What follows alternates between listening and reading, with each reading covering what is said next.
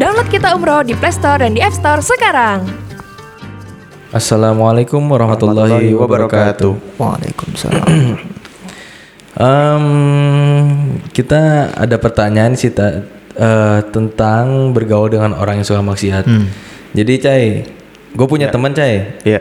Temen gue nih suka bermaksiat. Entah itu gibah atau misalkan memang ya macam-macam lah. Banyak lah ya. Iya. Nah, Ustaz, apakah kita boleh mendakwahi mereka gitu, Ustaz, dengan kapasitas ilmu yang kita punya atau memang benar kita meninggalkan dia gitu, Ustaz?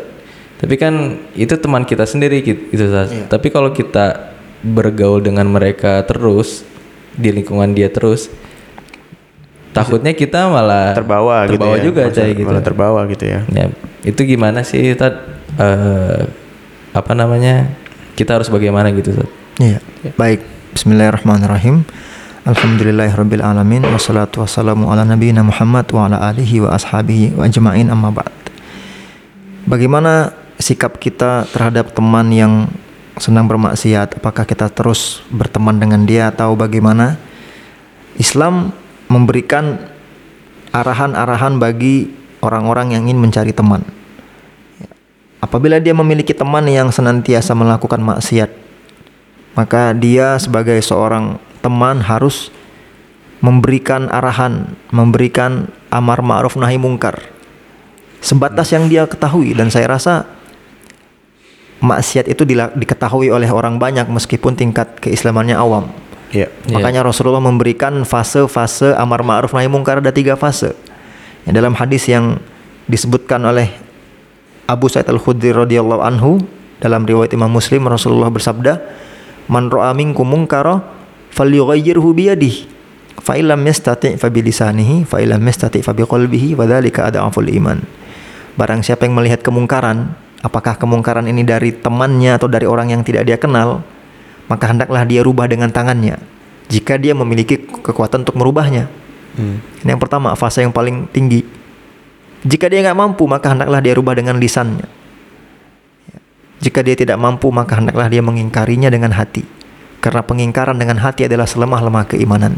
Jadi bagi teman-teman yang punya teman yang suka berbuat maksiat atau mengajak berbuat maksiat, maka jangan tinggalkan amar ma'ruf nahi mungkar. Iya. Iya.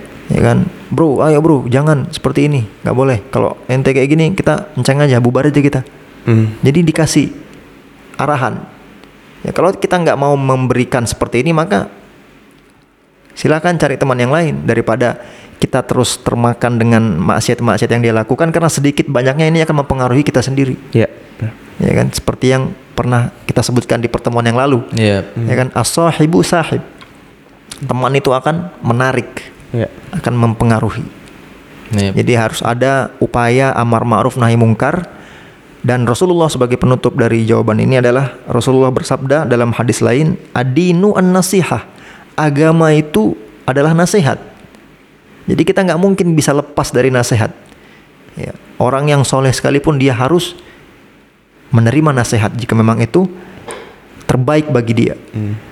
Ya, sehingga nasihat akan menjadi ruh dalam pertemanan kita kepada orang-orang yang sering berbuat maksiat. Iya. Seperti itu. Masya Allah. Jadi intinya kita menyampaikan aja ya Cah. ya? Iya. Iya, Masalah hidayah itu kan dari Allah gitu. Hmm, benar. Penting sesama teman kita ya harus saling mengingatkan. Hmm, yang penting kita udah ngingetin dulu gitu kalau emang dia masih nggak mau ya udah gitu kan. Ntar Iya. besok kita ingetin lagi Iya. gitu. Biasanya ntar lama-lama antara antara dua sih antara dia ntar jadi ngikut kita atau dia malah menjauh karena males sama kita. Iya. Gitu. Biasanya gitu. Iya, Bener. Tapi ya kita harap semoga dia menjadi ikut yang lebih baik sih. Iya, gitu kan. amin. Amin. Jazakallah Ustaz jawabannya. Subhanakallah bihamdika asyhadu an la ilaha illa anta astaghfiruka wa atubu ilaik. Assalamualaikum warahmatullahi wabarakatuh. Waalaikumsalam warahmatullahi wabarakatuh.